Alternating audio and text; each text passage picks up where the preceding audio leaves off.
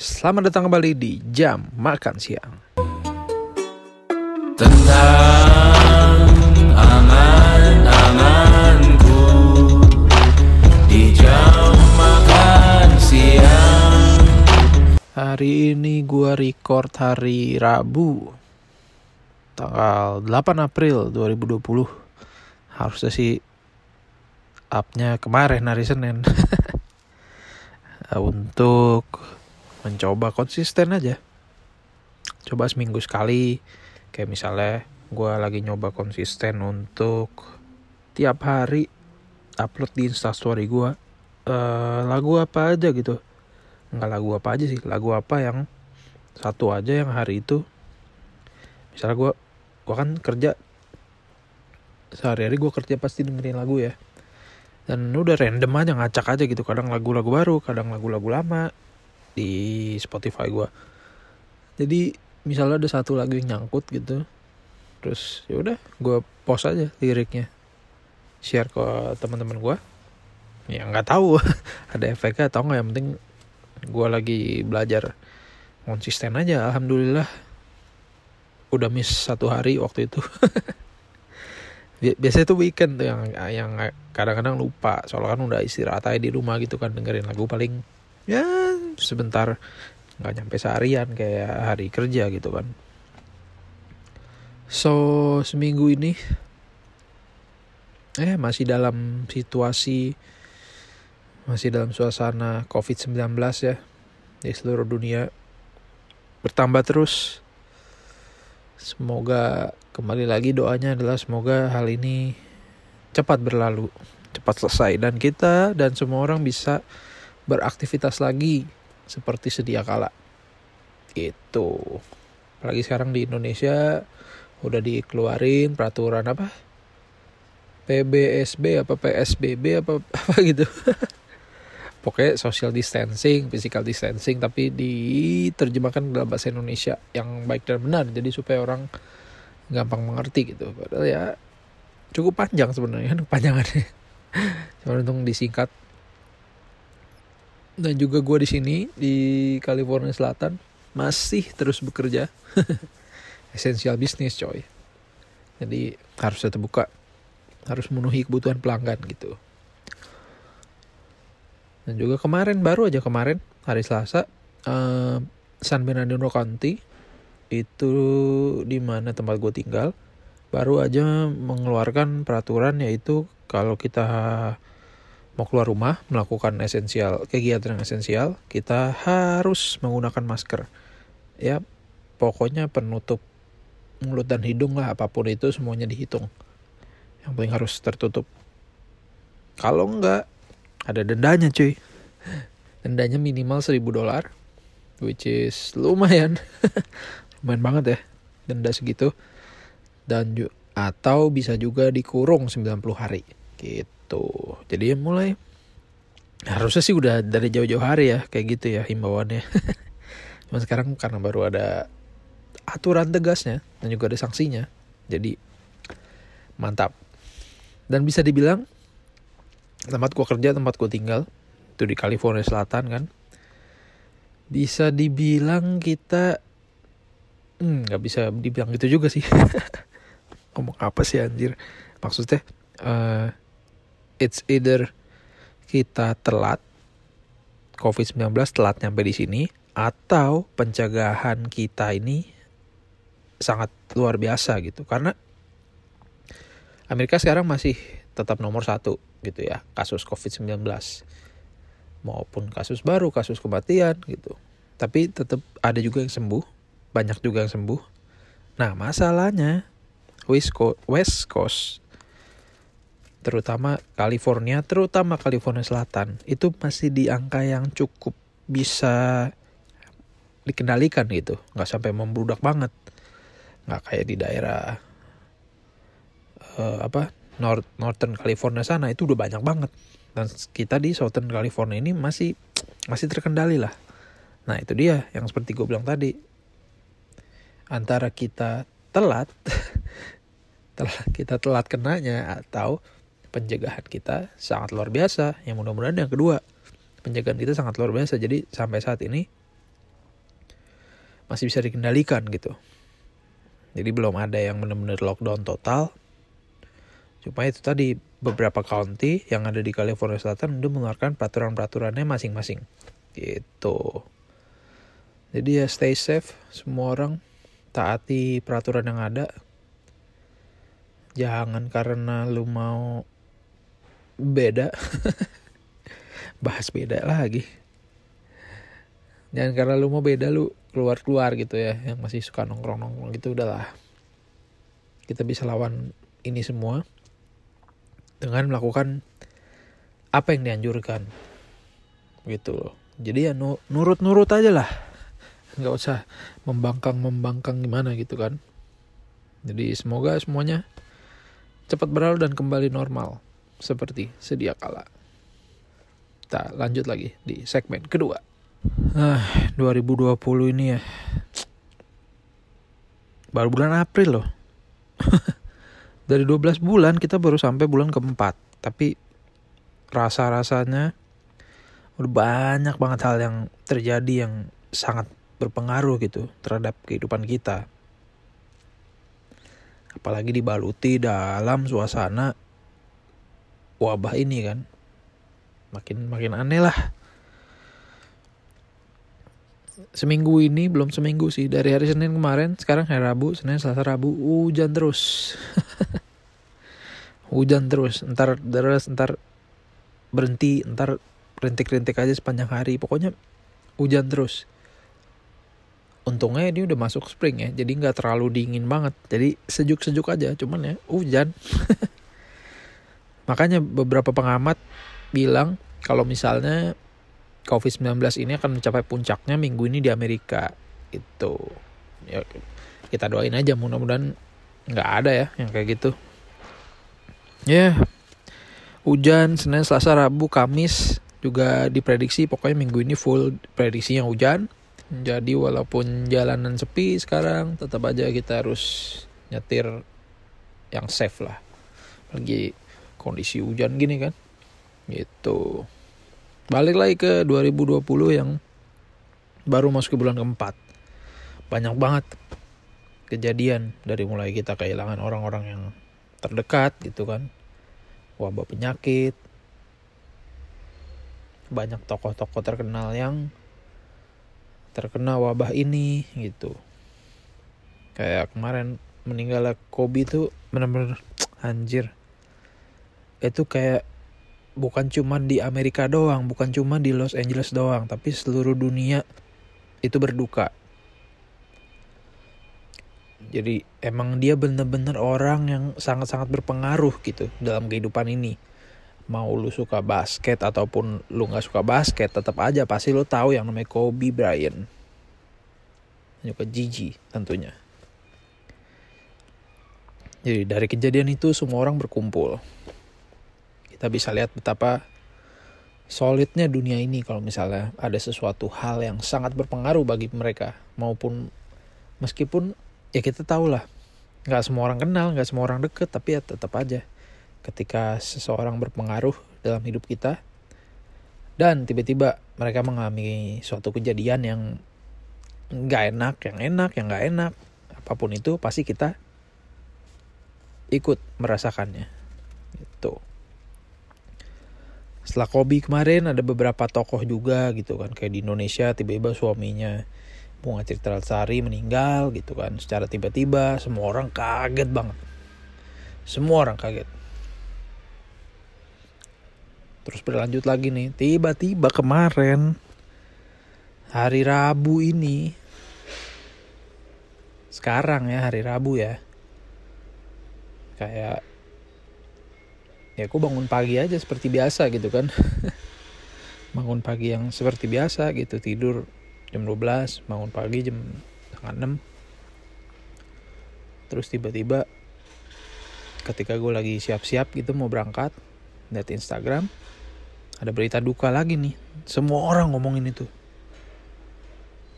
Kayaknya nggak nggak berapa lama setelah gue bangun pagi. Jadi mungkin sekitar jam 7 jam 8 malam di Indonesia Iya. Penyanyi, solois, aktor mungkin. Pokoknya seorang public figure yang sangat-sangat berpengaruh di perindustri industri hiburan Indonesia. Yes. Bung Glenn Fredly. Beliau baru aja meninggal semalam waktu Indonesia. Pagi waktu sini. Gue sih belum update lagi ya penyebabnya apa atau gimana. Tapi yang jelas gue turut berduka cita. Semoga yang ditinggalkan selalu diberikan kekuatan. Nah, ini dia. Lagi-lagi dunia ini atau Indonesia kehilangan salah satu sosok yang sangat berpengaruh. Yaitu Bung Glenn ini. Beliau masih muda banget. Umurnya 44 tahun. Tapi bisa dibilang beliau adalah legenda. Yes. Gue bisa bilang seperti itu. Beliau adalah salah satu legenda di industri musik Indonesia. Kayak gimana enggak dia udah nyiptain berapa puluh lagu sih? Mungkin ratusan kali ya. Gue juga nggak tahu berapa banyak lagu yang udah dia bikin gitu. Kayak kemarin tahun 2016 itu adalah 20 tahun beliau berkarya. Lu bayangin aja. Legend coy. Legend banget semua orang tiba-tiba berbela sungkawa atas kepergian beliau. Semua orang, nggak terkecuali. Ya bukannya gimana? Walaupun balik lagi ke yang awal tadi, walaupun lu nggak kenal, lu nggak deket, bahkan lu mungkin lu nggak suka lagu-lagunya, tetap aja. Pasti ada di mana momen di hidup lu yang lu tuh dengerin lagu dia gitu. Kayak makanya tadi gue baca-baca gitu kan. Ada yang bilang uh, eh, PDKT dengerinnya lagu Glenn. Jadian dengerinnya lagu Glenn. Putus dengerinnya lagu beliau juga berarti kan keren banget gitu lagunya bisa masuk ke semua situasi apalagi kayak gue gitu kan angkatan 90-an lah bisa dibilang 90 pertengahan gitu ya. Jadi kita-kita ini tuh tumbuh di masa Glenn Fredly sedang bisa dibilang ada di puncaknya lah. Lagu-lagu dia tuh ada di mana-mana. Di radio, di TV, kasetnya laris manis, CD-nya laris manis, pokoknya saat kita tuh gua dan generasi gua itu tumbuh di saat dia lagi dalam masa jaya-jayanya gitu. Semua orang nyanyiin lagu dia. Lagu dia yang zaman-zaman 90-an, 2000-an siapa sih yang nggak tahu gitu kan. Yang tadi gue bilang lagu PDKT, lagu jatuh cinta, lagu putus, ada semua. Makanya dia tuh dikenang akan sangat dikenang oleh semua orang di Indonesia.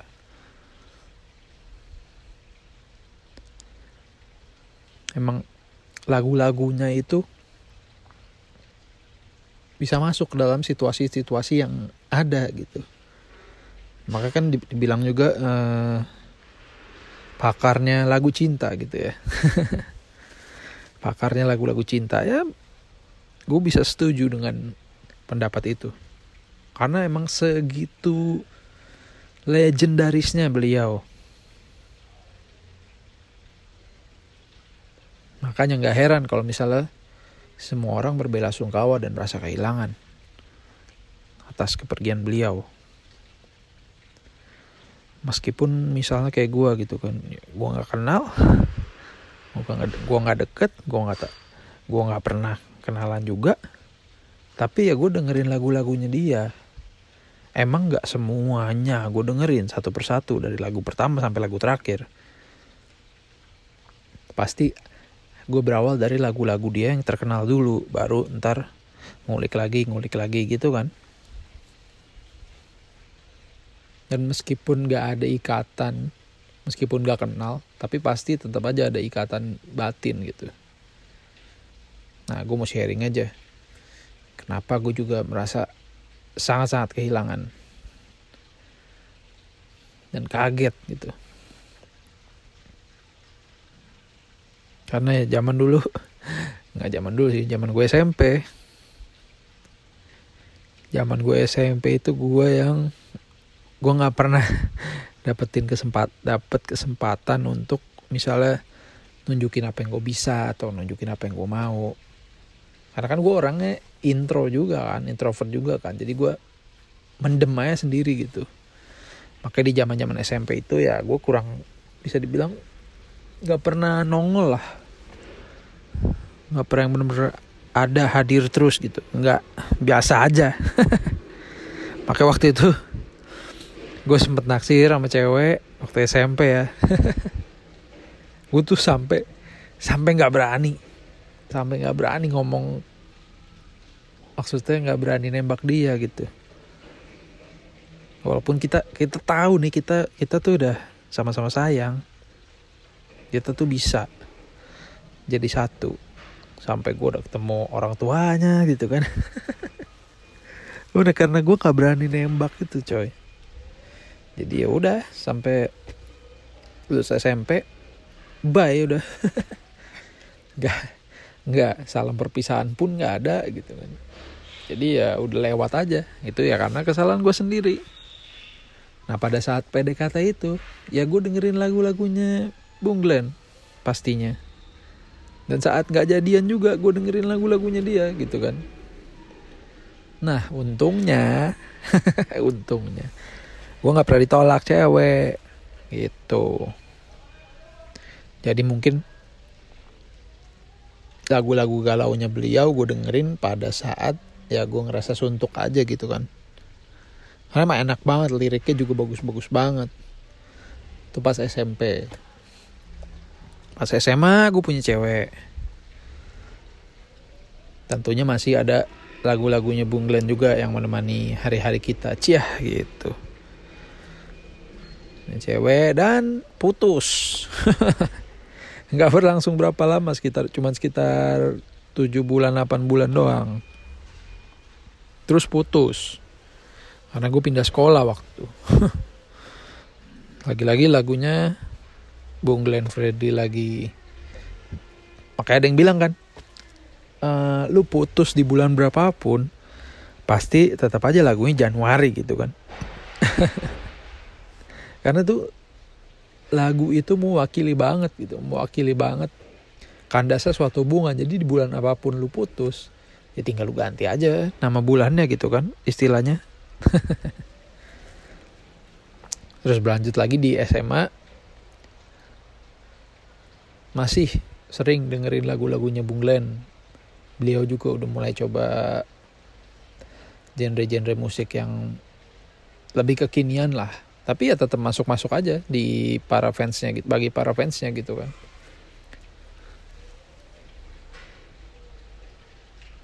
Sampai gue kuliah gue pun masih dengerin masih sering dengerin lagu-lagunya beliau. Sampai akhirnya di tahun 2016 di tahun 2016 waktu itu ada film judulnya Surat dari Praha karya dari Angga Dwi Masa Songko sebagai sutradara. Itu yang main ada Julie Estelle, ada Om Tio Pakusadewo, lalu ada Tante Widiawati, ada Rio Dewanto, ada Chico Jericho, dan lain-lain lah. Pas pertama gue liat, ini kayak film asik nih gitu kan. dari trailernya tuh indah banget. Dari judulnya tuh Surat dari Praha. Wah, apalagi gue suka gitu kan film-film drama gitu. Terus setelah gue nonton trailernya setelah gue baca-baca sedikit sinopsisnya ternyata film ini adalah kolabo ada kolaborasi juga dengan Bung Glenn Fredly. Yang istilahnya dia ingin merayakan lah 20 tahun dia berkarya di Indonesia terus gue asumsiin oh berarti bakalan banyak lagu-lagunya Bung Glenn nih dari film ini gitu kan. Ternyata emang benar tapi lagu-lagunya bakalan di cover sama pemain-pemain yang ada di film itu. Jadi di film itu nggak cuman full drama ya ada nyanyi-nyanyi dikit lah. Gitu. Jadi film ini sesuai judulnya sinops sesuai judulnya surat dari Praha tentunya film ini berlatar di Praha Republik Ceko jadi ceritanya adalah ada seorang anak perempuan yang ya saya dibilang lagi ribut-ribut lah sama suaminya di Indonesia. Sementara ibunya sekarat. Ibunya sekarat dan sebelum ibunya wafat dia menitipkan sebuah surat wasiat. Ibunya bilang nitip pesan ke anaknya, tolong bawa surat ini ke Praha ketemu orang ini alamatnya ada di sini semua oke okay? gitu anaknya sempat ragu-ragu nih ngapain sih nggak penting gitu kan cuman yang namanya amanah dari seorang ibu yang akan wafat gitu harus disampaikan. Jadi ya udah ibunya meninggal. Lalu karena dia lagi rumah tangga dia di Indonesia juga lagi nggak enak gitu kan. Ya udah akhirnya dengan berat hati dia memutuskan untuk pergi. Di Praha orang yang harus dia temui adalah ternyata ternyata bisa dibilang apa ya mantan kali ya mantan dari ibunya tersebut tentunya udah sama-sama tua gitu kan jadi dia harus menyampaikan surat ini ke laki-laki tersebut. Jadi cerita laki-laki tersebut itu nggak bisa pulang ke Indonesia karena keluarga negaranya dicabut setelah di tahun 60-an ya. Karena ada kasus politik lah waktu itu. Karena beliau nggak percaya dengan Orde Baru kalau nggak salah. Beliau pelajar dikirim ke Ceko Lalu hal itu terjadi jadi keluarga negara dicabut dia nggak bisa pulang sama sekali. Itu banyak banget konflik yang terjadi dalam film itu tentunya dengan bumbu dramanya. Wah keren banget filmnya masuk banget latarnya tuh juga mendukung cantik pokoknya. Pokoknya kalian kalau belum nonton nontonlah ada di Netflix kok. Tuh. Jadi sinopsisnya segitu. Dan fakta uniknya waktu itu adalah gue nonton sendirian. Bener-bener sendirian. nonton sendirian di Mall Kelapa Gading waktu itu. Dan gue emang gak ada niatan buat ngajak temen gue. Karena ya gue udah tau lah mereka kayaknya nggak into ke film drama-drama yang begini. Apalagi Indonesia gitu kan. Mungkin mereka pikir sinetron. Jadi ya udah gue nonton sendiri dan ya gue hampir nangis lah hampir nangis karena emang lagu-lagunya masuk nusuk banget ceritanya juga kena di gue gue tuh kalau misalnya udah kena sesuatu yang bener-bener langsung ngena ke hati gue tuh langsung jadi niat. Niat banget. Gue inget waktu itu gue sampai nulis di blog gue gue lagi rajin-rajinnya nulis. Gue sampai bikin review itu di blog gue kalian cari aja blog baper 59 masih ada cuman gue udah jarang update. Nggak pernah update lagi malah mungkin udah 2 tahun. Waktu itu lagi rajin-rajinnya banget nulis. Gue sampai nulis di situ saking niatnya gue waktu itu ya. Terus ya udah jadi emang kena banget aja di gue tuh film. Karena apa? Karena satu hal itu mengingatkan gua akan kisah bokap gua. Nanti kita cerita nanti gua cerita belakangan ya. Jadi sama kasusnya seperti itu. Ya bisa dibilang nggak bisa pulang ke Indonesia. Gitu. Dan apakah anak cewek ini bisa berhasil meluluhkan hati seorang pria ini? Nonton aja lah ntar gue spoiler lagi. Pokoknya nonton deh bagus filmnya. Kalau suka drama bagus banget filmnya. Satu hal yang paling gue inget di film itu adalah laki-laki ini bilang Pokoknya di dunia ini semua hal tuh udah berubah. Semua hal, cinta, politik, segala macem. Tapi satu yang gak berubah. Yaitu rasa sayangnya dia ke ibunya si anak ini. Anjir, pas itu gua anjir, anjir. eh, sekarang. Jadi kenyataan, eh gitu ya. Gue gua, gua ada nulis di situ juga gitu kan. Kayaknya gue bakalan mengalami nasib yang sama gitu. Apa iya apa enggak ya kita nggak tahu. ya gue ada di sini sekarang. nggak bisa pulang ke Indo.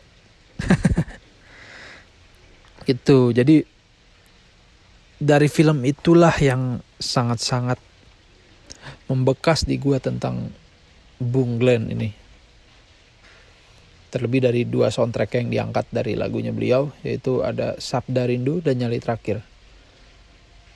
Jadi Sabda Rindu itu tentang seorang yang rindu, rindunya tuh benar-benar rindu. Nyali Terakhir itu tentang sayangnya seorang yang semua rasa sayangnya dicurahkan untuk orang itu. Jadi ya kalau Anda penggemar Bung Glenn juga silahkan ditonton filmnya. Recommended banget paling nggak kita mengenang beliau. Semoga beliau tenang di sorga. Keluarga yang ditinggalkan diberikan selalu diberikan kekuatan pokoknya. Ah apa pun yang terjadi respect Bung Glenn. Semoga karya-karya Bung Glenn diputar di surga. 2020 ya baru bulan April udah banyak banget kejadian yang terjadi di dunia ini. Jadi semuanya terjadi begitu cepat. Tapi dunia ini melambat. Karena setelah sekian banyak hal yang terjadi di muka bumi ini, ternyata baru bulan April gitu kan. Makanya gue bilang semuanya tuh terjadi cepet banget tapi ya ini baru awal. Ini masih di awal tahun. Semoga keadaan ini terus membaik. Jadi kita bisa hidup seperti biasa lagi. Aktivitas seperti biasa lagi. Jadi nggak ada batasan-batasan yang sangat ekstra gitu seperti sekarang. Jadi semoga semuanya tetap membaik respect buat Bung Glenn semoga tenang di surga keluarga yang ditinggal akan diberi ketabahan karya-karya Bung Glenn pasti akan selalu diputar di mana pun sampai kapan pun karena Bung Glenn adalah legenda di industri musik Indonesia. Terima kasih atas karya-karyanya. Ah, 2020, 2020. Semuanya terjadi begitu cepat, coy. Oke. Okay. See you. Tentang aman